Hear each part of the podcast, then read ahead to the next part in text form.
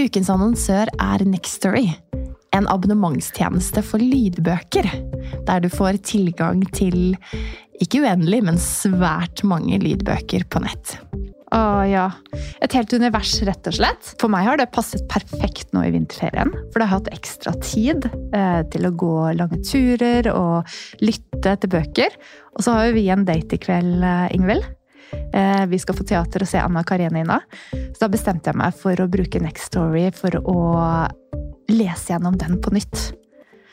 Og det er bare helt fantastisk roman fra 1870-tallets Russland som jeg anbefaler alle å utforske, fordi den er like aktuell nå i 2024 som eh, den gang den ble skrevet. Men det er jo så fint, da, ikke sant? Og uavhengig av om eh, man har vinterferie eller mer tid til overs, så har man også disse små lommene i hverdagen. Du kan ha boken på øret, og du kan brette tøy, eller du kan sette på en klesvask, en oppvask, whatever og dykke inn i dette universet. Og det er jo det som er så fint.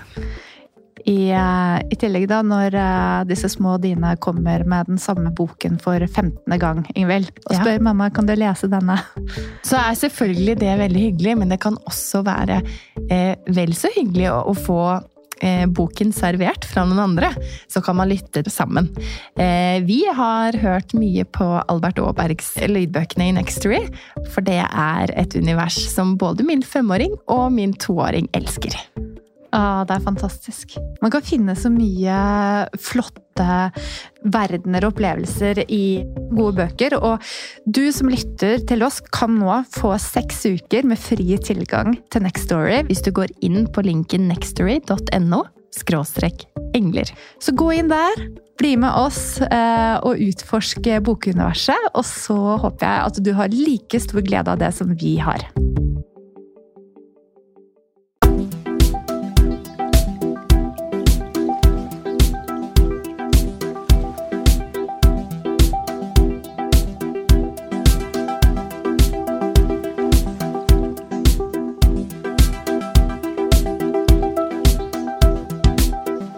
Velkommen til Engler og hormoner. Inspirasjon og ny kunnskap om helse, selvutvikling og livsstil.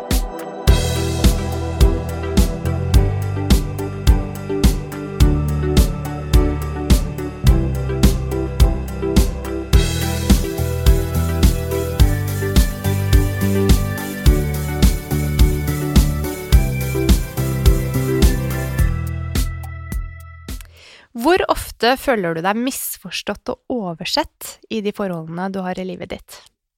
Har du tenkt over din egen rolle i det?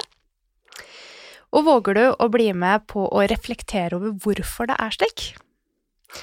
På den måten kan vi bedre kommunikasjonen med de rundt oss, og til å utfordre oss på egne tankemønstre og vanlige feller å gå i, så har vi som gjest Line Marie Warholm. Velkommen til studio. Tusen takk. Så stas å ha deg tilbake, Line. Ja, det er veldig fint å få lov å komme tilbake. det var jo episode 53, fant jeg i, eh, i, arkivet, så det er jo en stund siden. Ja. Da pratet vi jo om tenåringene våre og ja, de litt større barna, men i dag så er det jo kanskje parforholdet da som står i fokus. Ja. Det blir bra. vi har nok eh, fått noen nye lyttere som har kommet til siden den gang, Line. Line. kan du eh, fortelle litt om deg selv? Introdusere deg, for det tror jeg du gjør best selv. Ja. Jeg er psykolog, har en privatpraksis, og så har jeg da skrevet en bok, en håndbok til tenåringsforeldre. Det var jo derfor jeg var regissist. Og så er jeg fast spaltist i Aftenposten, hvor jeg skriver om familieliv, foreldrerolle, parforhold, som jeg jo er veldig opptatt av. Mm. Mm. Og den spalten leser jeg med stor glede. og vi har definitivt funnet inspirasjon eh, derfra til episoden i dag, men også foredrag som eh, du holder, for du er jo aktiv på mange arenaer. Eh, ja. Ja, nå har jeg fått anledning til å holde en del foredrag, og det syns jeg er kjempegøy. Mm Jeg har jo sittet hele liksom mitt arbeidsliv i terapirommet så det å få lov å formidle, komme hit, eh, og få lov å skrive og holde foredrag, det syns jeg er kjempefint. Vi er veldig takknemlige for det, da.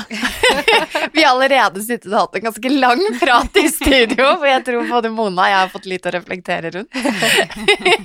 og vi konkluderte vel egentlig med at alle burde ha sin egen psykolog. ja, dere konkluderte med det. Eller vi konkluderte med det! jeg tenker at man kommer langt med gode relasjoner òg, da. ja, ikke sant? Men hvor mye går vi egentlig og irriterer oss over bagateller i hverdagen og lar de liksom eskalere til eh, konflikter, sånn i parforholdet, Line? Ja, ikke sant. Og så er jo spørsmålet da, hvis du irriterer deg skikkelig mye over noe, da kanskje ikke det er en bagatell, ikke sant? Eh, men det kan jo se ut som en bagatell. Eh, og sånn er det jo ofte, at man blir irritert over ting som kan se små ut, men som kanskje da blir store fordi de skjer veldig ofte. Um, og jeg tenker at når, når man får sterke følelser knytta til det, så er det jo fordi at det pirker borti noe annet, at det har en annen betydning for deg, ikke sant? Sånn at hvis, hvis det er en kjøkkenbenk som eh, ikke er ryddet, for eksempel, ikke sant, så kan man tenke sånn å ja, ja, da, da glemte han det, liksom, og så kan jeg børste bort de smulene, det går helt fint. Eh, eller man kanskje tenker at eh, han bryr seg virkelig ikke eh, om meg og hvordan det er for meg å komme hjem og komme inn på dette kjøkkenet nå, ikke sant. Og jeg tenker at det, hvordan man tolker sånne situasjoner, handler jo kanskje litt om hvordan man har det sånn generelt i parforholdet sitt. Fordi at hvis man på en måte føler at man blir satt pris på, og at den andre har liksom omsorg og omtanke for en, så blir jo ikke en sånn liten glipp blir jo ikke stor. Hvis det er så mye annet som er så bra. Mm. Eh, men hvis det på en måte blir et tegn på en følelse du allerede har, eller en tvil, kanskje, blir jeg liksom respektert, er partneren min ordentlig glad i meg, eh, så blir jo sånne små tegn veldig viktige og veldig store. Mm. Og så handler det jo kanskje også om litt hvordan man tolker Altså, man kan jo se at den andre gjør et eller annet, og så kan man tolke det som et uttrykk for en del av personligheten til den andre som man ikke liker, da.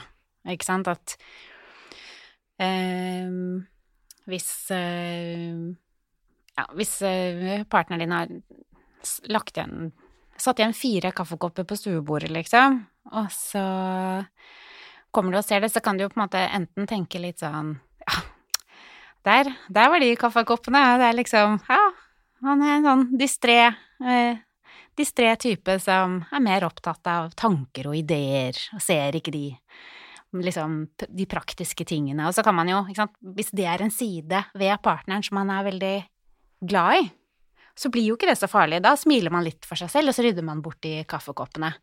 Men igjen, hvis det blir uttrykk for Um, Altså at man tenker at den andre liksom ikke er så ordentlig, at den er sjuskete, eller uh, liksom ikke har orden på livet sitt, Uh, og man på en måte ser det som en del av et trekk som man ikke liker, så blir det jo mye mer irriterende. Mm. Men hvordan er det man da skal ta hånd om, la oss kalle det de underliggende prosessene, da? Ja. Som det er dine egne ord! Ja. ja, ikke sant. Og da handler det jo om å prøve å forstå hva er det som foregår her, ikke sant. At ofte så er vi jo opptatt av eh, Når vi får sånne følelser da, som irritasjon, så vil vi jo gjerne rydde opp i det og fjerne noe. Altså enten vil vi få den andre til å slutte å irritere oss, eller vi prøver å si til oss selv at nå er du smålig, eh, nå må du du kan, du, kan, du kan, ikke reagere så sterkt på noe så lite. En annen tilnærming er jo å tenke mer på det som en kommunikasjon, altså et signal, ikke sant? At du på en måte reflekterer litt sånn ok, nå ble jeg veldig irritert over denne tingen, hva, hva, hva handler dette om? Handler det om mer enn en kaffekopp, liksom? Hva, hva er det som foregår her nå? Og så kan jo det da være utgangspunkt for å eh, tenke litt eh, over liksom hvor man står i parforholdet selv, og, og, kanskje ta en prat med den andre, da, om liksom eh, at man Ja, hvordan man har det, og at det kanskje er noe som At det kanskje er noe litt dypere som skurrer, hvis man går sånn og irriterer seg veldig. Mm. Det er jo veldig reflektert. Hvor, fordi noen ville jo også kanskje tatt den kommunikasjonen direkte med partneren og sagt nå er jeg lei av å rydde opp kaffekoppene dine, eller dette, dette syns jeg ikke er ok. Eh, du respekterer ikke meg som lar meg rydde etter deg. Den type reaksjon også. Ja, og jeg tenker at hvis man har en partner som sier noe sånt, da, ikke mm. sant Ja, du klarer aldri å rydde opp etter deg, og som på en måte klikke litt over en liten bagatell, tenker jeg da kan man jo enten reagere med å kritisere den andre for at den er smålig og gir kritikk og irriterer seg over småting, eller så kan man jo tenke litt sånn Ok, nå hadde du en veldig sterk reaksjon på en liten ting. Hva handler dette om i deg? Ikke sant? Mm. Og at det kan jo være da at kanskje har partneren din da hatt en kjip dag, eh, og, eller det er noe annet som plager den personen, og som på en måte Og derfor så har man kanskje kortere lunte. Eller man kan jo tenke ok, du blir skikkelig sur når jeg roter. Hva Roter jeg kanskje litt mye? Ikke sant? Mm. Og ta en sånn runde med seg selv, da, at hvis den andre blir veldig sur for sånne småting, så da kan man jo også tenke litt over om man faktisk skal prøve å endre seg litt. Mm. Og det er jo skjerpe seg. Skjerpe seg, ja. ja men man er, man er jo ikke like Man er jo to individer Mm. i et forhold, og det er jo eh, interessant eh, hvordan man møtes og blir tiltrukket og finner kanskje egenskaper hos hverandre attraktive, og så er man i et forhold, og så skal man leve sammen. Mm. Ja. Ja, og det er ikke bare bare det. Og jeg ser det ofte, for jeg har jo mange par i terapi, og det som, eh, som er en av de tingene som ofte liksom eh, plutselig slår litt om, er jo de parene som kanskje er litt sånn smarte og selvstendige mennesker, og så har de kanskje funnet hverandre litt på en sånn på humor, på en litt sånn tone, de kanskje erter hverandre litt. Eh, stikker litt, og så er det veldig morsomt. Man syns det er morsomt selv, kanskje shower man litt for venner. At det blir en sånn tone, da. Eh, og det funker jo kjempebra i en periode hvor man er forelska og gir hverandre masse positiv feedback også, og har masse kroppskontakt og alt er liksom Og man, man er liksom på høyden, da. Men det kan jo bli mer problematisk hvis det liksom blir kommunikasjonsformen. Når man da kanskje kommer lenger inn i et parforhold, og det, og det blir liksom mer hverdag og kanskje graviditeter og barn og kriser eller dødsfall, eller man står i situasjoner hvor man egentlig trenger liksom omsorg og nærhet og støtte, ikke sant, og da må man finne en annen måte å kommunisere på, og da kan jo på en måte det som man kanskje har likt veldig godt hos den andre, da, plutselig bli et ganske stort uh, problem. Mm. Og Hvordan er det man da liksom skal ta tak i akkurat, i akkurat det, da? For eh, det som man da har likt så godt hos hverandre tidligere, når det endrer seg, så kan jo det helt sikkert være vanskelig å bringe på banen. Ja, ikke sant, det er det, og, og vanskelig også hvis man endrer på det, ikke sant, for da er det jo også noe man mister. Det er jo veldig komplisert det å gå fra en sånn forelskelsesfase og over i å bringe det over i en kjærlighetsrelasjon, da. Det er jo liksom forskjellige ting, ikke sant. Det å nettopp gi den andre rom til egne tanker og følelser og få være for seg selv, eller ikke sant. Eh, som er noe annet enn den derre første eh, forelskelsen og lidenskapen, da. Eh, og det er, jo ikke, det er jo ikke alle parforhold som bærer inn i kjærligheten. Mm. Kan du utdype litt videre? Kjærlighet er mer enn forelskelse. Nå kom Gaute Ormåsen inn på hodet mitt. Inni hodet. Eh, ja, jeg tenker at eh, ofte så, så kan man liksom eh, snakke mye om at Og det er jo veldig bra, altså. At man må liksom gi eh, paret tid, og man må ha litt egentid, særlig hvis man har barn og et krevende familieliv. Det at man liksom har tid alene med partneren, og, eh, og at man passer på eh, seksuallivet sitt, og ikke sant. Eh, at det er mye veldig bra med det, men at jeg tenker at vi også må ha, eh, ha med oss hvor mye kjærlighet som kan ligge i nettopp det å å tenke at eh, ja, nå er enn nå er det andre ting enn meg som er viktig for deg, og det tåler jeg, liksom. Det vil gi den andre det rommet, da. Uansett hva, hva det er det handler om, da, om det handler om at man har små barn og er liksom fylt av det, eller om man har et eller annet på jobb, eller står i en eller annen personlig krise, da. Det å tåle det at liksom nå, nå, nå kan jeg på en måte stå her og støtte deg litt, og så kan du få lov å være opptatt av deg selv, og ikke så opptatt av meg. Uh, at det er jo Det er jo en sånn Det er jo en form for kjærlighet. Uh, som jeg tenker vi ikke snakker så mye om, da. Vi er liksom så opptatt av å ivareta det romantiske. Og det må vi også gjøre, altså. Men vi må ha flere tanker i hodet. Mm. Det var veldig fint. Jeg fikk en følelse av å gi rom. Mm. Mm. Jeg vet ikke om det er uh, meg som er forutinntatt, men, men jeg tenker å jeg tenker på det å kunne gå ut og gjøre egne ting bringer noe tilbake også. Ja, man kommer jo inn med en helt annen energi. Ja. Og for mange par så er jo det veldig vanskelig at man reagerer forskjellig på forskjellige situasjoner og trenger forskjellige ting, da.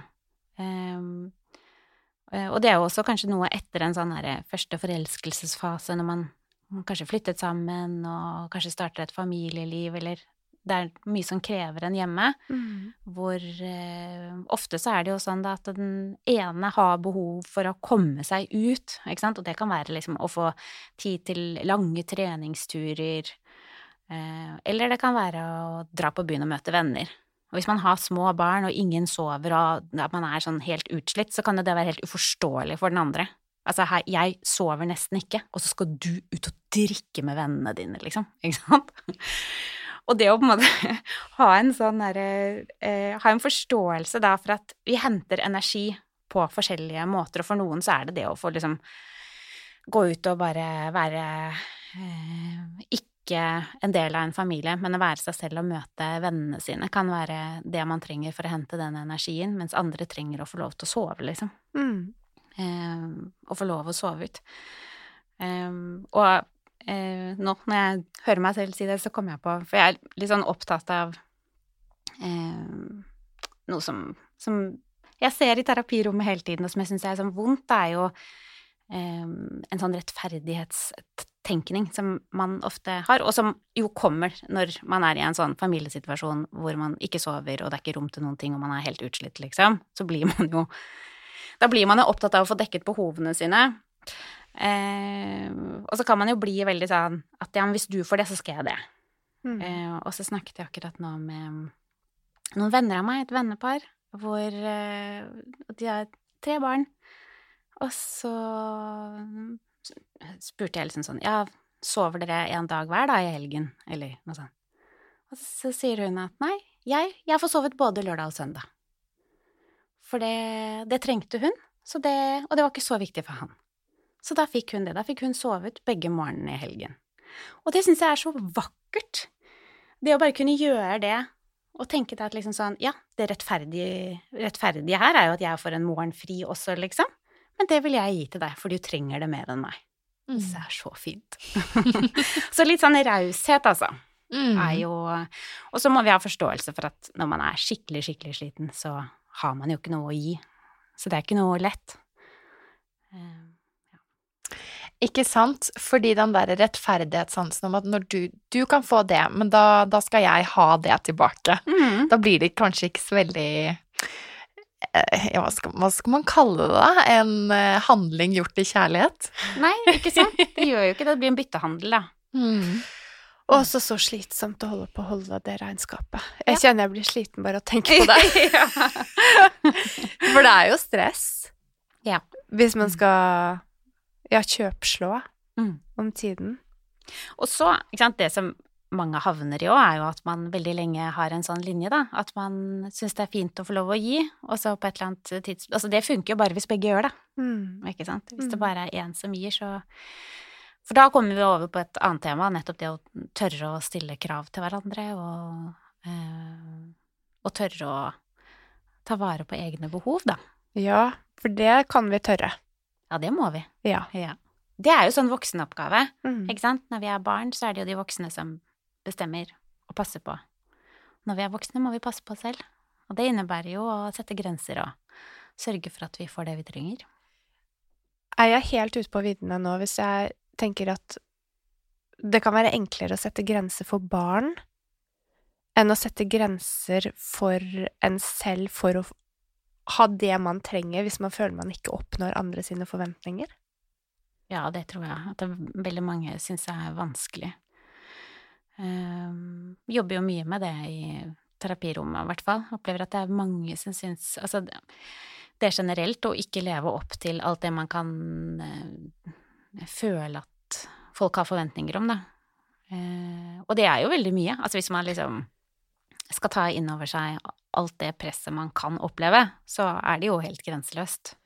Jeg tror, i hvert fall kjenner jeg igjen fra mange av mine pasienter også, at dette er noe, en del av totalbelastningen som kanskje er med på å bidra til at man får nedsatt funksjon, smerte, mm. stress så, så, så, jeg tror det kan være nyttig å gå litt dypere i nettopp det. Altså det mm. å, å, tørre å sette krav og grenser. Mm. Um, hvor vil det være naturlig å starte um, hvis man skal identifisere sin situasjon, da, og så gå inn og så gjøre noen tiltak som ja, hvis det er noe generelt som du kjenner igjen ofte, som, som, kan, som kan, være nyttig å ta tak i mens man øver seg? Ja. Eh, jeg tenker sånn i et parforhold, for eksempel, for å liksom kunne sette grenser og stille krav til partneren og på en måte eh, ikke bidra med mer enn man har å gi, da. Så tenker jeg at hvis man skal få til det, så må man kanskje først eh, et, ha et sånt bevisst forhold til det selv, hvor man legger lista, ikke sant? Eh, hva, hva, slags Altså, hva, hva syns du er bra nok for deg selv, eller med deg selv, ikke sant? Eh, sånn at det å på en måte ta litt sånn ordentlig stilling til ja, syns jeg, syns jeg det er så viktig å ha det og det helt på stell, eller syns jeg det er så viktig Syns jeg det er viktig at huset ser helt perfekt ut hele tiden? Nei, syns kanskje ikke det. Eh, da Og det å liksom tørre da å ha besøk uten å ha ryddet først, eller ikke sant, at, at hvis man bestemmer seg for at det er, ikke noe, det er ikke så viktig for meg å være perfekt på det, eller på alt mulig annet man kan føle et press på da med å eh, se bra ut, eller stille opp for ungene, eller være med på alt mulig rart, eller invitere eh, venner på besøk, eller invitere barnas venner på besøk, eller ikke sant, alle disse her tingene som vi kanskje syns vi burde da, og det å bestemme seg for hva syns jeg er eh, rimelig, hvor mye vil jeg eh, eh, bidra, må jeg, må jeg alltid være den som som melder meg til å bake kake og jobbe på dugnad og og liksom det å på en måte tørre å ta sine egne valg der, det tenker jeg er et sånt fint sted å begynne. For da blir man ikke så sårbar for, for det man kan føle at andre forventer til, av en, ikke sant? Eh, mens hvis du tenker selv at eh, du ikke er helt bra nok, så blir man jo veldig sårbar hvis noen pirker borti det. Ja. Så jeg vet ikke om det var et svar på, på spørsmålet ditt. Jo, så det er jo, det er jo egentlig refleksjoner rundt det, for du sa eller eller eller eller eller, og så tenker jeg for mange så er det og, og, og. og kanskje nettopp på grunn av forventninger, da. Eh, mm. og fordi at man er redd for at noen skal pirke borti noe som ikke du gjør bra nok. Mm. Fordi man ikke har definert kanskje hva som er viktigst for en selv, da. Eh, og står trygt i det. Mm. Mm. Ja, og der er vi jo også litt over på, på måte, dette andre temaet som jeg liker å snakke mye om. Altså hvor mye vi strekker oss for barna våre. Eh, og at vi har fått en sånn kultur eh, der som, eh, som, ikke er noe heldig for barna, hvor man liksom skal stille opp og eh, Altså mange lever jo hele livet sitt basert på Eller liksom tilpasset barna Å være der for barna hele tiden, da. Uh, og det tror ikke jeg er så bra for barna, å være så voldsomt midtpunkt i foreldres liv. Apropos press, så bidrar jo det til veldig mye press også. Hvis du opplever at foreldrene dine bare holder på med deg og gjør alt de kan hele tiden, ofrer sine egne greier for at du skal liksom få det beste hele tiden, mm. så forplikter det litt. Da må du på en måte Da må du prestere høyt, da. Da må du liksom være noen. Du må være litt viktig. Eh, sånn at eh, for mange av oss er jo det et sted å begynne, det å, å tåle at, at alt med barna ikke er sånn helt på stell hele tiden. Mhm. Hvor tidlig er det det kan begynne? Nå, Ingvild. Ja, det begynner vel eh, Altså, det begynner jo helt i starten, gjør det ikke det, da? Ikke sant? Man kan jo Fra svangerskap, liksom, så er det jo mange som har eh, veldig høye forventninger til liksom Eller at man tenker at alt skal gjøres så perfekt, da, fordi vi liksom har så mye kunnskap. Jeg syns i hvert fall det var veldig slitsomt. Husker jeg en av mine gravid... Ja, den siste graviditeten min, hvor eh, jeg, en helsesøster sa til meg at eh, ja, du må huske på å ikke spise for mye sukker. Det er liksom ut, du må gå tur og spise sunt og husk liksom det. Du må ikke spise mer enn to Mm. frukt om dagen. Så tenkte jeg sånn Skal jeg hjem og spise en melon og en ananas? tenkte jeg da. Ja, ikke sant? Det er noe med det derre fokuset. Altså, det begynner på en måte der, da. At det Mm. er så Og nå kan det hende at jeg på en måte har valgt å misforstå den helsesøsteren litt, altså. Men det der, det er et sånt fokus, da. På at alt skal gjøres på en spesiell måte helt fra veldig tidlig. Ja, og den intuisjonen vi har, da, også, som du også har nevnt før, dette med at vi, vi bærer med oss en kunnskap om hvordan vi skal være mot barn, for eksempel, og hvordan Mm. vi så, så for mye kunnskap kan nesten forstyrre det at vi lytter til hva vi vet er riktig for oss selv og for barnet. Ja, Fordi vi føler vi bare må gjøre alt så riktig hele tiden. ja det tror Mm. jeg. Og det er veldig sånn pedagogiske, da, i møte med barna, tror jeg jo ikke nødvendigvis er så bra. At det er noe med at Altså, barna våre trenger jo en relasjon. Ja. Eh, og i den relasjonen så må det være rom for en del følelser. Mm. Eh, og jeg er redd for at vi tar bort mye av det spontane eh, ved at vi liksom tenker for mye over hvordan vi er med barna, da. Um, og um, altså, det er jo klart at hvis man har det liksom i seg å drive og kjefte hele tiden, så er det jo veldig bra å ha et bevisst forhold til det. Og det er jo, det jo ut ifra en veldig sånn autoritær eh, oppdragerstil som kanskje har vært tidligere, eh, og en kunnskap om at man trenger å bli møtt med litt sånn forståelse og varme og eh, Og det er jo veldig viktig, at vi Ja. møter barna våre med det. Men hvis vi drar det for langt, da, så blir det jo nesten litt sånn kaldt igjen. Ikke sant? Når alt blir sånn, og man ikke skal vise noen følelser, og alt skal være liksom veldig sånn Man skal svare mykt og forståelsesfullt hele tiden. Mm. Eh, så tenker jeg også at, at det er jo noe med for barn også å få en sånn ordentlig respons på seg selv, da. Eh, og kjenne at her går det en grense, liksom. Og at når jeg trykker for mye på deg, så, eh, så kommer det en reaksjon til slutt. Mm. Eh, Det blir jo nesten karak Det er som en karikatur, da. Ja. At, man, at man hele tiden skal være myk i stemmen og til stede og forståelsesfull. mm. For det eh, Det blir så kalkulert, da, på en måte. Altså, hva Ja, utvikler man? Mm. Eh, forstår man verden på den måten? Fordi verden ser jo ikke slik ut. Nei, ikke Nei. sant. Det er det den ikke gjør, og det er jo Mm. det som blir liksom vanskelig for, for barn etter hvert, da. Hvis man har fått eh, ikke liksom møtt eh, noen realiteter tidlig, så blir det jo veldig vanskelig når man plutselig er voksen og skal forholde seg til en Altså, verden er jo ganske Livet er jo ganske vanskelig. ikke sant? Og jeg tenker at mange foreldre i dag er jo opptatt av å beskytte barna mot alle vanskelige følelser. Ikke sant? Vi strekker oss langt for det, da. Ikke sant? Vi tåler dårlig å se at barna strever litt eller eh, har utfordringer. Eh, og mange sliter seg jo veldig ut i det. Eh, på hele familier, Alt, altså ikke bare i møte med barna, men alt man føler liksom skal til for å drive en familie i dag. Eh, For mange så er det jo det som gjør at man blir utbrent, ikke jobben, liksom. Nei, man må jo Det er jo eh, det er jo ikke mulig å komme rundt og gjøre alt perfekt i forhold til den informasjonen som er tilgjengelig i dag. Nei. Det er jo så enorme mengder. Det tar jo aldri slutt. Mm. Og jeg syns jo fra psykoanalysen da, så har vi jo et veldig sånn godt uttrykk. Eh, det var Winnicott som kom med det. Han snakket om 'good enough parenting'. Altså det å være bra nok.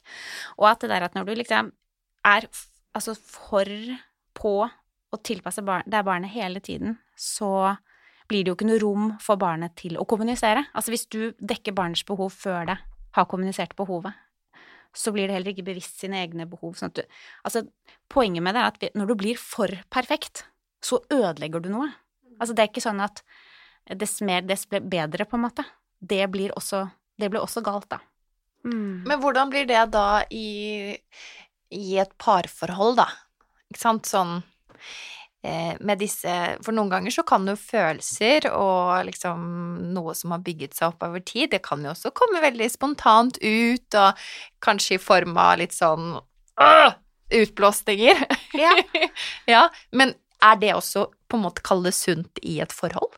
Ja, det tenker jeg jo. At man kan vise litt sånn eh, spontane følelser. At det er jo litt fint. Eh, og der er vi jo forskjellige, for noen reagerer jo på en måte veldig hvis, hvis På sinne, for eksempel, da. Man kan bli veldig sånn opprørt hvis den andre liksom blir litt irritert eller sint. Eh, og så er det veldig forskjell på typer sinne, men jeg tenker også det der å eh, å se at den andre er liksom opprørt på grunn av deg, det er jo det er også et signal om at du er viktig, ikke sant? Eh, og at det er jo annerledes det å, å få en sånn ja, eller liksom, ikke sant, en sånn frustrasjon fordi du er irritert eller lei deg eller et eller annet. Det er jo noe helt annet enn det der man liksom går mer inn i en kamp, da. At det handler om å vinne en krig og ta hverandre. Mm. Eh, og sånne kriger, de kan foregå med myke stemmer og smil, altså. Ikke sant? Men at man er i en sånn kamp hvor det handler om kanskje å påføre den andre dårlig samvittighet, eller være den eh, sterkeste retorisk. Jeg har sett mange varianter av dette i, i, i terapirommet, og nettopp fordi at folk i dag kan så mye om kommunikasjon også. Så man bruker det ikke for å oppnå en felles forståelse og komme hverandre nærmere, men man bruker det for å vinne kampen, da. Altså hybrid av passiv aggressivitet og hersketeknikker? Ikke sant. Mm. Mm. Så uan, ikke sant, sånn at Det er jo noe med at eh, man, Det er fint å vite mye om liksom at man kan Hvis man ordlegger seg litt sånn, så virker det sånn i stedet for sånn. Det er, veldig, mm. det er jo fint å kunne det. Men altså, hvis det er på en måte rot, hvis det er for mye grums, grums i bånn eh, under der, så, så, så kan man jo bruke alle de mer som en hersketeknikk, da, enn ja. en for å på en måte få den andre til å føle seg bra eller mm, forstått eller det er, eh, det er, mye snakk om i engelskspråklig litteratur om gaslighting. Det mm. um, Ja, man kan bli trykket ned på en sånn måte som føles uh, uskyldige på overflaten, men mm, Og det er for, mye skumlere. Ja, det sånn høres sånn veldig usunt ut. Ja, det, ja, ja, men det er det. Ja. Det er ordentlig ødeleggende. Mm. Det, det, spiser opp selvfølelsen din over tid. Så det, det, må man ikke utsette seg for. Nei, for, da, for der er vi kanskje tilbake til altså, å sette en grense, da, for, for, for, man må jo ta vare på seg selv. Mm. Eh, for det er, det er kanskje det det nærmeste man kommer å faktisk kunne gjøre noe, det er å passe på seg selv. Mm. Ja, det er eh, kjempeviktig. Ja. Og med, altså når man møter på hersketeknikker, noe av det mest effektive mm, man kan møte det med, er jo å sette ord på hva det er som foregår. Mm -hmm. Og si at ja, nå, altså dette, er, nå, dette, blir veldig ubehagelig for meg, fordi nå, nå, gjør du sånn og sånn, og det opplever jeg som en hersketeknikk fra din side. Ja. Og så kan jo det å påpeke den andres hersketeknikker kan også være en hersketeknikk. Ja. Ikke sant? Men da er man jo inne i en sånn form hvor det handler om å, mer om å vinne diskusjonen. Og det er veldig vondt, ikke sant, og det må man jo prøve å komme seg ut av. Um, men um, altså hvis Nå beveger vi oss litt sånn inn på et sånt annet tema, med, med på en måte, for én ting er jo de parforholdene hvor man havner i veldig vonde mønstre, og så ønsker begge to å komme ut. Noe annet er jo på en måte hvis du er i et parforhold med noen som, eh, som konsekvent liksom bryter deg ned, da. Mm. Ikke sant? Som jo er noe helt annet. Ikke sant. Men så er det jo også sånn at man kan ha forskjellige kjærlighetsspråk. Ja. Ikke sant? Og at det fører til masse Eh, kall det konflikt, da, eller at man ikke helt nødvendigvis forstår hverandre. Mm. Eh, og da er man, sånn som jeg ser det, litt mer på den på måte, kall det lysere siden enn om det er som bare destruktivt, og at man liksom har denne eh, underliggende liksom krigen. Mm. ja. ja. ikke sant. Og det, er, det handler litt om hvilke forventninger man har til hverandre også, og og det der å på en måte kunne lese den andres intensjoner, da. Eh, at man Ok, kanskje du ønsker deg at partneren din skal sette ord på følelsene sine, eh, ikke sant? Og det å kunne se da at ja, men eh, du, du måker bilen min hver morgen, liksom. Sånn at den Og sørge for at den er varm og god når jeg kommer ut, eller eh, du serverer meg kaffe, eller Det å kunne liksom se at det også er eh, en kjærlighetserklæring, da. Eh, eller eh, det å på en måte være den som tar ansvaret for å drifte familien, og, eh, og at det også på en måte er en sånn veldig sånn omsorg og kjærlighet i alle de hverdagstingene vi gjør, da. Mhm. Eh, som vi jo kanskje ofte føler at vi ikke blir sett på. Men, eh, eh, men det er jo veldig viktig. Og jeg tenker at det er også at vi kan på en måte eh, Det kan vi bestemme oss litt for, hvordan vi skal forstå den andre, og hva vi velger å se og ikke se, ikke sant, og at det um, det er kanskje blitt et litt sånn mantra at man må liksom Ja, man må si hva man trenger, og man må liksom snakke om og fortelle om behovene sine og sånn. Så tenker jeg også at ja, eh, men det Mange ender jo litt der da at man gir den andre sånn oppskrift. Altså når jeg kommer hjem og sier sånn, da må du svare sånn. Eller da må du gjøre sånn, ikke sant? Og, og det på en måte Altså da er det jo noe med på en måte å liksom tåle litt det, da. At ok, du, du er en sånn som ikke helt vet hva du skal si. og kanskje det er greit, da, men du gir veldig gode klemmer, ikke sant? Ja. Å kunne ta imot en god klem og tenke at der lå, der lå det, liksom. Mm. Ja, ikke sant? Hvis det oppstår en konflikt, da, har du noen eh, gode råd for hvordan man skal ta de ved roten før det utvikler seg? Har du en, kanskje noen konkrete eksempler du kan vise til? Ja, altså jeg er jo veldig opptatt av eh, Av på en måte det å ikke fordele skyld, altså ikke komme i en sånn kamp, men å prøve å forstå hva det er som foregår. Eh, og, og det der liksom å godta at i en relasjon så må man sette grenser, man avviser hverandre, og man misforstår hverandre. Altså det, altså liksom, det skjer. Det, det gjør vi. Det er ikke noe galt med noen når det skjer. Og så er jo utfordringen det å forstå hva det er som har foregått, og så rydde opp i det. Så enkelt! Ja, ja men det er egentlig ganske enkelt. Ja. Hvis man slutter å, å gå i det jeg kaller faktafellen, da, altså det at Mhm. man tenker at man skal bli enige om en virkelighet. Eh, altså du sa sånn, eller jeg sa sånn, eller ikke sant, det og det skjedde, og så kan man bli liksom helt uenig om liksom sånn eh, hva det er som har foregått, og hvem sin skyld det er, i stedet for å på en måte kunne eh, akseptere da, at eh, at i en sånn situasjon så er det Det fins ikke noe fasit, det fins to subjektive opplevelser. Og det kan man forsøke å fortelle hverandre. Og så kan man sammen prøve å forstå Ok, hvis jeg opplevde det sånn, og du opplevde meg sånn da, eller du opplevde det sånn, ja, da skjønner jeg jo.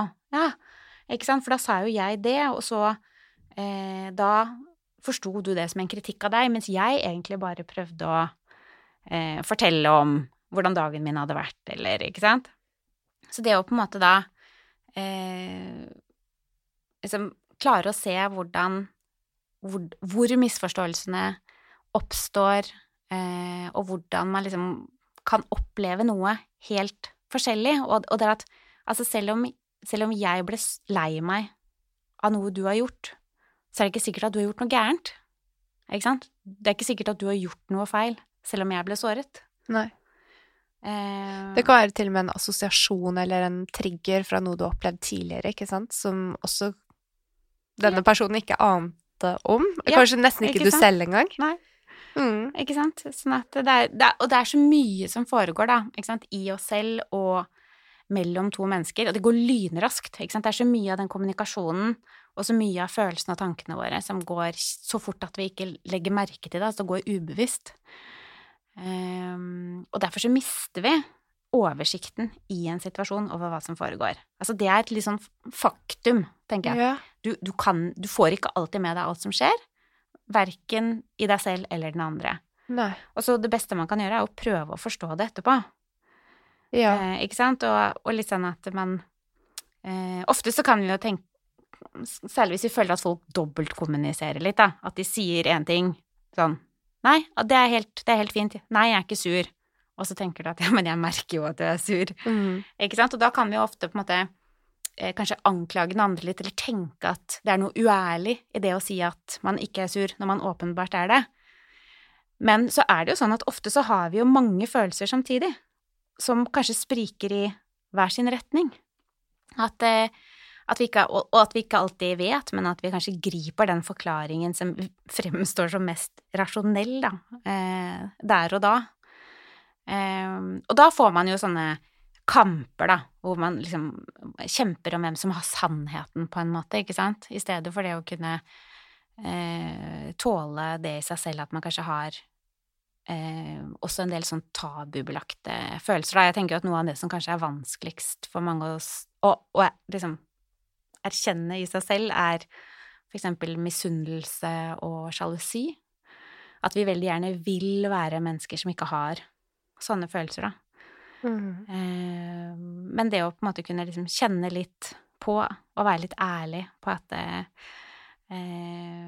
Ja, da Ja, jeg var litt misunnelig på det, liksom. Og derfor så kom det kanskje ut på en litt sånn spissere måte, eller eh, Ja, som Et eksempel er jo på en måte eh, Som jeg syns er et litt sånn godt eksempel, er jo på en måte når man er eh, gravid og eh, kanskje litt sånn eh, lei av sin egen kropp og tyngde og alt man ikke kan gjøre, og så eh, har man kanskje en partner som skal ut og gå en lang skitur, eller eh, ut og drikke øl, eller et eller annet som man ikke kan gjøre selv, og så eh, Når partneren skal gå, så sier man kanskje sånn Ja, ja, du får kose deg, du som kan det, liksom.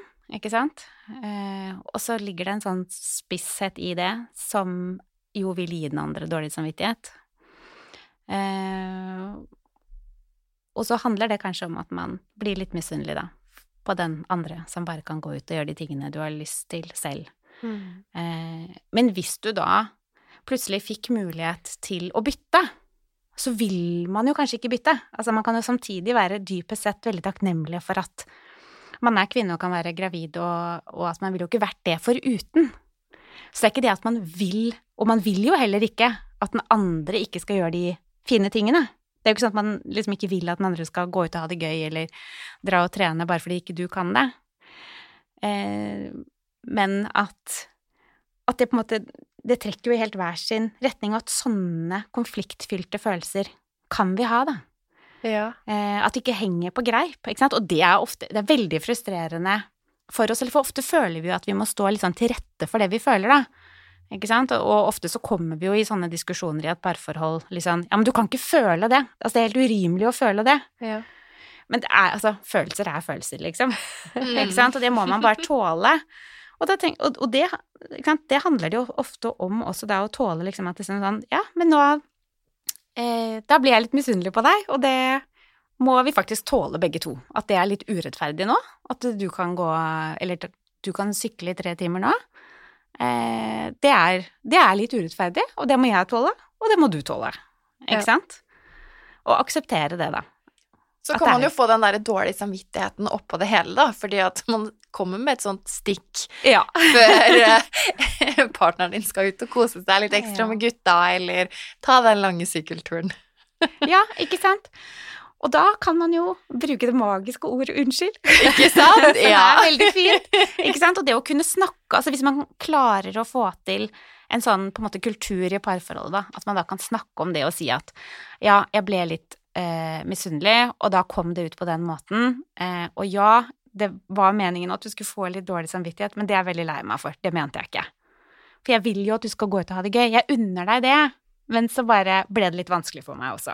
Mm. Ikke sant? Altså det er Og det er ikke noe, det er ikke noe hokus pokus, det er jo helt ærlig.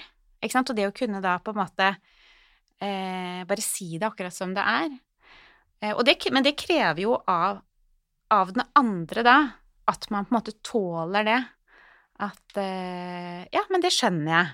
At det her er eh, litt kjipt for deg, og at jeg går ut nå. Og, jeg, og takk for at du unner meg det likevel, selv om det er så vanskelig for deg. Mm. Ikke sant?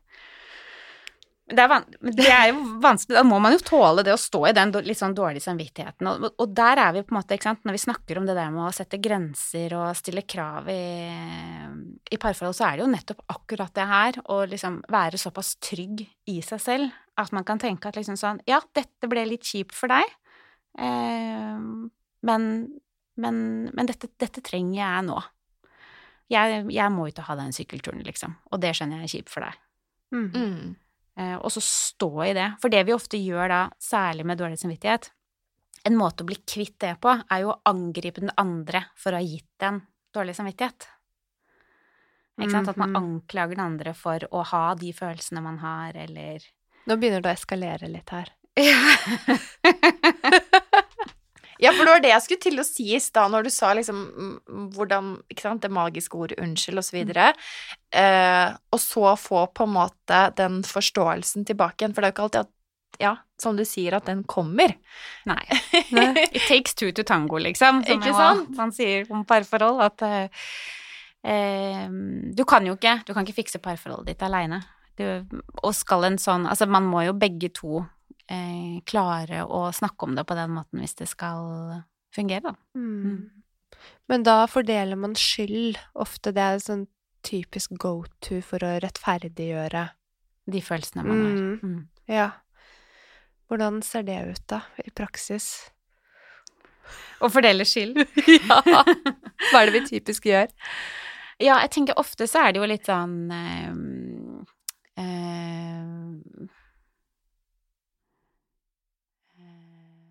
Å anklage hverandre for eh, For at man har sagt noe, for eksempel.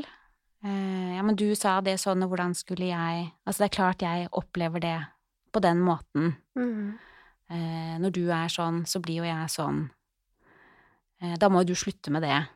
Ikke sant? At man holder på sånn, da, eller du Ja, men jeg sa jo Jeg sa jo sånn og sånn. Da må jo du skjønne at jeg mente det på den måten. Eh, og når du tolket det Jeg kan ikke noe for at du tolker det sånn.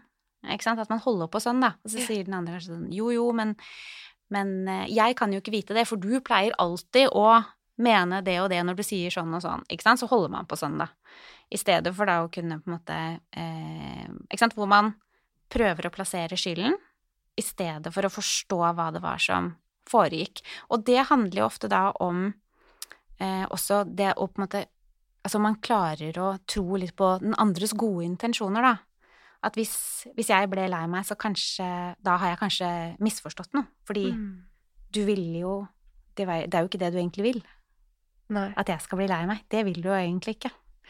Så nå er det noe som har foregått, nå er det noe som har skjedd. Hva er det som har skjedd her, og hva Og hvis man klarer å ha den nysgjerrigheten, da. Hva du, Nå er du sint på meg, hva i all verden har jeg gjort? Altså det å faktisk være nysgjerrig på det, Ja. I stedet for å prøve å få sannheten til å se ut sånn at man ikke har gjort noe galt, da. Det er jo det vi er redd for, ikke sant? Det å skulle tenke at nå har jeg gjort noe feil. ja. Mm. Ikke sant? Det, det vil vi jo ikke. Så isteden så fordeler vi skyld og rettferdiggjør. Ja. Ja. Putter skylden på den andre. Det er, du, Mm. det er du som er den slemme her. Ofte er det jo det det handler om. ja. Hvem det er som Ikke sant? Eh, At man prøver å framstå som den som ikke har gjort noe Gjort den andre noe vondt, da. Mm. Litt sånn kamp om å være offeret, kanskje. Ofte. ja. Men det å da tro litt på eh, den andres intensjoner, vil da være med på å eh, utvikle parforholdet sterkere, da, og liksom bedre kommunikasjonen. Har du noen andre tips og råd for det å liksom noe, noe, som er litt sånn konkret? For å bygge god kommunikasjon og bygges parforholdet sterkere? Og det er jo litt vanskelig spørsmål, Ja, altså. jeg skjønner det. Men eh, liksom, liksom når vi er inne i det vi snakker om nå, da, så er det jo eh, kanskje det å eh, å, å prøve å bli nysgjerrig på hva som har foregått. Eh, I stedet for å, å rettferdiggjøre det, eller eh, eh, plassere skylden. Og for at man skal klare det, så må man jo på en måte også tåle at man gjør feil.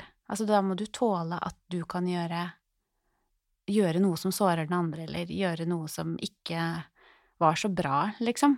Ikke sant? Hvis man typisk sånn slenger en litt sånn sleivete spisskommentar som, som på en måte begge skjønner er ment for å gi den andre dårlig samvittighet. For eksempel, da, det er jo litt dårlig gjort. Eller kritiserer eller sier noe i en devaluerende tone. Eh, og det å på en måte kunne da, i stedet for å på en måte liksom bortforklare det, det å kunne si at liksom bare sånn Oi, den der var Den, den var ikke god, liksom.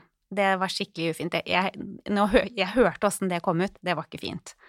Altså, hvis man skal klare å kunne si det, så må du på en måte også tåle det i deg selv. At du er en person som kan si sånne ting. Eh, og det er ikke så lett, ikke sant? Eh, å være Og det er ikke så lett å bare på en måte bestemme seg for å bli sånn heller. Det å liksom Altså, da må du være ganske trygg i deg selv for å akseptere at du er en person som kan eh, si og gjøre liksom slemme ting. Men det gjør vi jo alle sammen. Vi er jo folk, ikke sant, så vi gjør det. Så det er på en måte litt sånn mantra fra min side, da. Det at vi liksom Vi må akseptere at vi Det kommer impulser, og så glipper det ut, og så sier vi og sånn er det jo kanskje ofte for mange av oss, at det er våre nærmeste som får de styggeste sidene våre, ikke sant. Og det å tåle, tåle det i seg selv, at det er, det er sånn som skjer. Og så Mm. kan man rydde opp, men eh, ja, tenke at det er greit. Ja. Og ikke være så perfekt. Og det syns jeg har vært så fint, egentlig, fra start til slutt nå, er at, at det handlet om det å senke kravene litt, ikke være så perfekt, men tørre å være seg selv. Og så si det høyt, ja. istedenfor å prøve å dekke over eller eh, eh, legge skylden på andre, da. Mm. Eh, for vi er jo Vi er jo bare oss. Mm. Ja, og det å skape rom for disse her liksom vanskelige følelsene også, som sjalusi og misunnelse og sinne, og at man blir krenka og lei seg, og at liksom At det er liksom Ja, det er Nå skulle jeg til å si det er lov. Altså, det er jo sånn vi er, ikke sant? Det er ikke noe vits å prøve å late som vi ikke er det. Nei, eh, ikke sant? For da, fordi det, det dette er naturlige reaksjoner i oss. Altså, vi Mm. har følelser og reagerer. Ja. Mhm. Mm. Jeg tenker jo at én ting er jo å jobbe med dette sånn i parforholdet. Men en annen ting er jo for eksempel Nå står jo, den såkalte julestria foran oss, og Ja. mange juleselskaper og så videre. Og det å på en måte erkjenne de sidene i oss selv overfor eh, svigerfamilie, for eksempel, eller eh, egen, eh, egen familie. Mm. Ja. Har du noen råd inn imot julestria? ja. ja, ikke sant. Eh, altså den typiske litt sånn eh, situasjonen som mange kanskje kommer i når man skal hjem til eh, foreldre og svigerforeldre og sånn, det mange gruer seg til da, og som kvier seg for, er jo eh, opplevelse av å bli kritisert. Eh, som ofte er vondt. Og eh, et sånt konkret triks der er jo på en måte å eh, å gå litt sånn med, og ikke føle at man må forsvare seg. Og si sånn Ja, nei, vi har ikke sju slag. Jeg syns ikke det er så gøy å bake, jeg. Ikke sant? Det å på en måte, igjen da, tåle det å ikke være så veldig perfekt. Litt sånn Ja, nei, jeg, jeg er ikke så, jeg er ikke så nøye, jeg. jeg. Ja, nei, jeg har ikke pynta så fint som du har. Det har du helt rett i. ikke sant? Da legger du det på en måte eh, Det er en fin måte å liksom ta imot kritikk på eh, uten at man trenger å bli så lei seg. Hvis man på en måte kan godta at man ikke gjør eh, alt så perfekt, da. Ehm, så det er jo på en måte litt sånn eh, Det er jo én ting. Og så er det jo også hvilke situasjoner man skal velge å sette seg i, da. Nå har jo mange Mange hadde jo noen gode erfaringer fra i fjor med å være mindre sosial enn man pleier. Mange har jo satt pris på det gjennom hele hele pandemien, det å Ikke bare i jula, men hele året. Det å eh, ha mer tid for seg selv og mer tid med kjernefamilien og ikke frese rundt og gjøre alle de tingene man syns man burde. Mm. Og det syns jeg jo at vi skal ta med oss ut av den pandemien. Det å se at eh, det går an å leve helt annerledes enn vi har gjort. Og ta med seg litt det man syns funka, da. Og nå inn mot jul også se at det er Det er jo ikke så veldig mye som er så farlig, egentlig. Eller så viktig. Eh, og det å på en måte kunne mm, ta litt sånn sine egne valg da, på hva man eh, syns er viktig av juleforberedelser. Alle trenger jo ikke å gjøre det samme, ikke sant. For noen så er det har man jo noen tradisjoner som man syns er skikkelig koselig. Eh, og da er det jo fint å gjøre det. Mm. Og så gjør man kanskje en del ting som man ikke liker så godt. Og, og det å kunne tørre å spørre seg selv sånn Kanskje jeg skal droppe det i år? Ikke sant? Mm. Og så er det jo litt sånn at vi står jo ofte i situasjoner hvor vi har lyst til å droppe noe som er viktig for noen andre. Nemlig, for det var det jeg skulle stille, spørsmål ved. fordi at tradisjonene de stikker jo veldig, veldig dypt i, eh, hos mange, da. Og Mm. hvis det er liksom noen familietradisjoner, for eksempel, som man har hatt med seg kanskje i flere generasjoner, til og med. Mm. Eh, ja, eh, hvordan skal man ta oppgjør med de og si at nei, vet du hva, jeg tror faktisk at eh, dette dette skal ikke vi være med på lenger. Ja, ikke sant?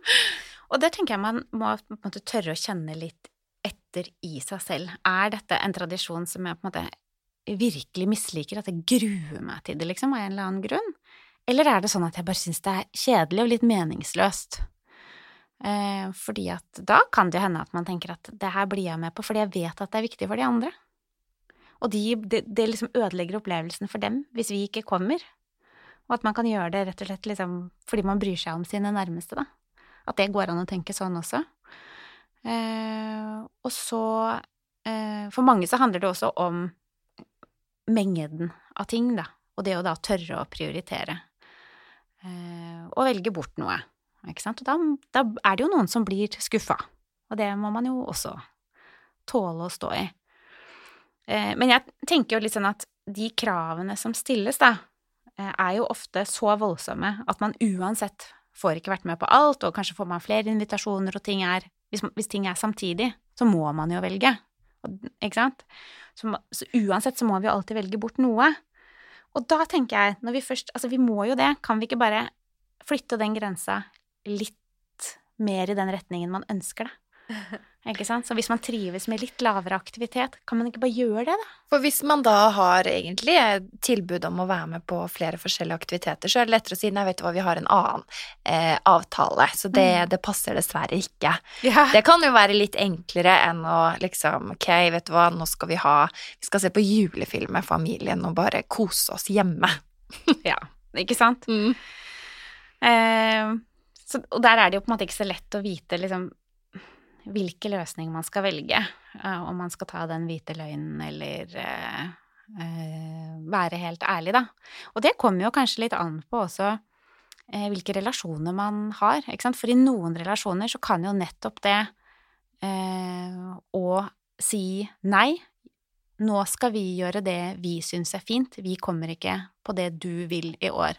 For noen så kan jo det, kanskje særlig i forhold til foreldre, da, være en sånn viktig grense å få satt. Jeg er et voksent menneske, jeg bestemmer åssen julen skal se ut for meg og min familie. Jeg er ikke ditt barn lenger, du kan ikke bestemme over meg.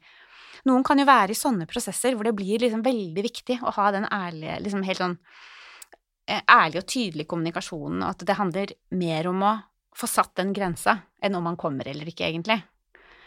For der, der, ja, der har vi jo alle våre helt egne prosjekter, Mm. ikke sant? Mens eh, andre ganger så kan det jo være sånn at du tenker at eh, åh, det orker jeg ikke, liksom. Men jeg har ikke noe behov for at den personen skal føle, føle seg avvist eller såra. Og da kanskje man kan dra en hvit løgn.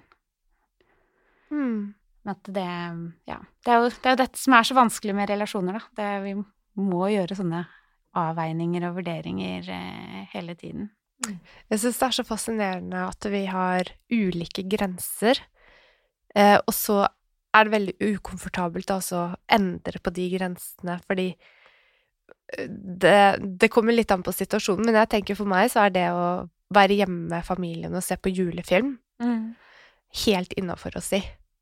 Å ta det valget og si nei. Så, så jeg kjenner Ja, jeg blir ikke stresset Ja, av det i det hele tatt. Dere to er helt forskjellige på det.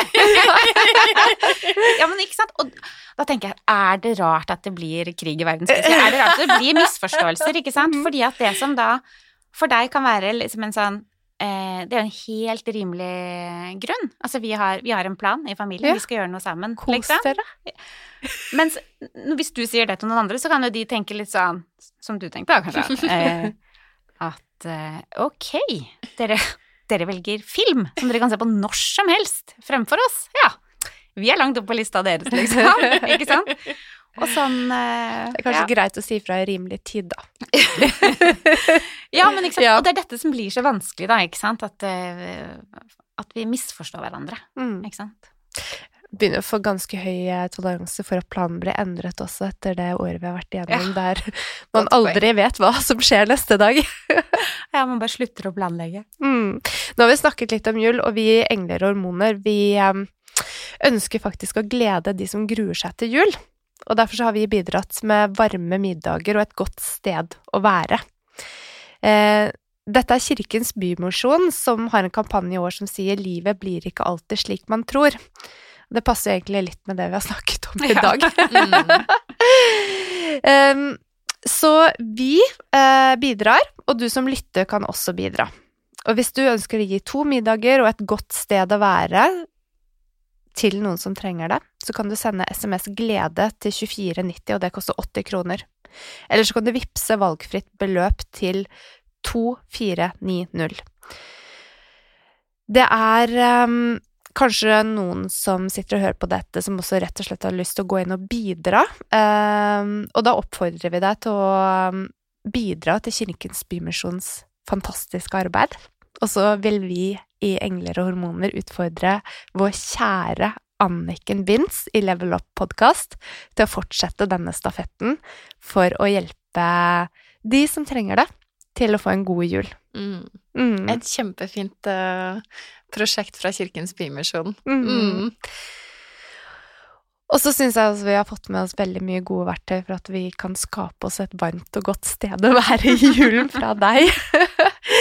Eh, Nå går jeg kanskje litt for fort frem, men eh, den lille sideveien vi tok, den lille Mm. stien inn mot hersketeknikker og kommunikasjon, den håper jeg vi kan utforske sammen neste år. Ja! Ja! Det er så spennende. Det er så spennende, og det er viktig. Mm. Um, men det er også viktig da å tørre å stoppe opp og anerkjenne at man er et helt menneske full av både positive og negative følelser. Ja. Ja. Ja. Mm. Og det um, Har vi takhøyde både for oss selv og for andre? ja, ikke Ja. sant? Ja. For oss selv og for andre. Kloke ord. Mm. Mm. Tusen hjertelig takk for at du ville komme i studio. Det var så fint å se deg igjen. I like måte. Så fint å få lov å være tilbake. Tusen takk. Tusen takk. Takk for meg. Vi høres.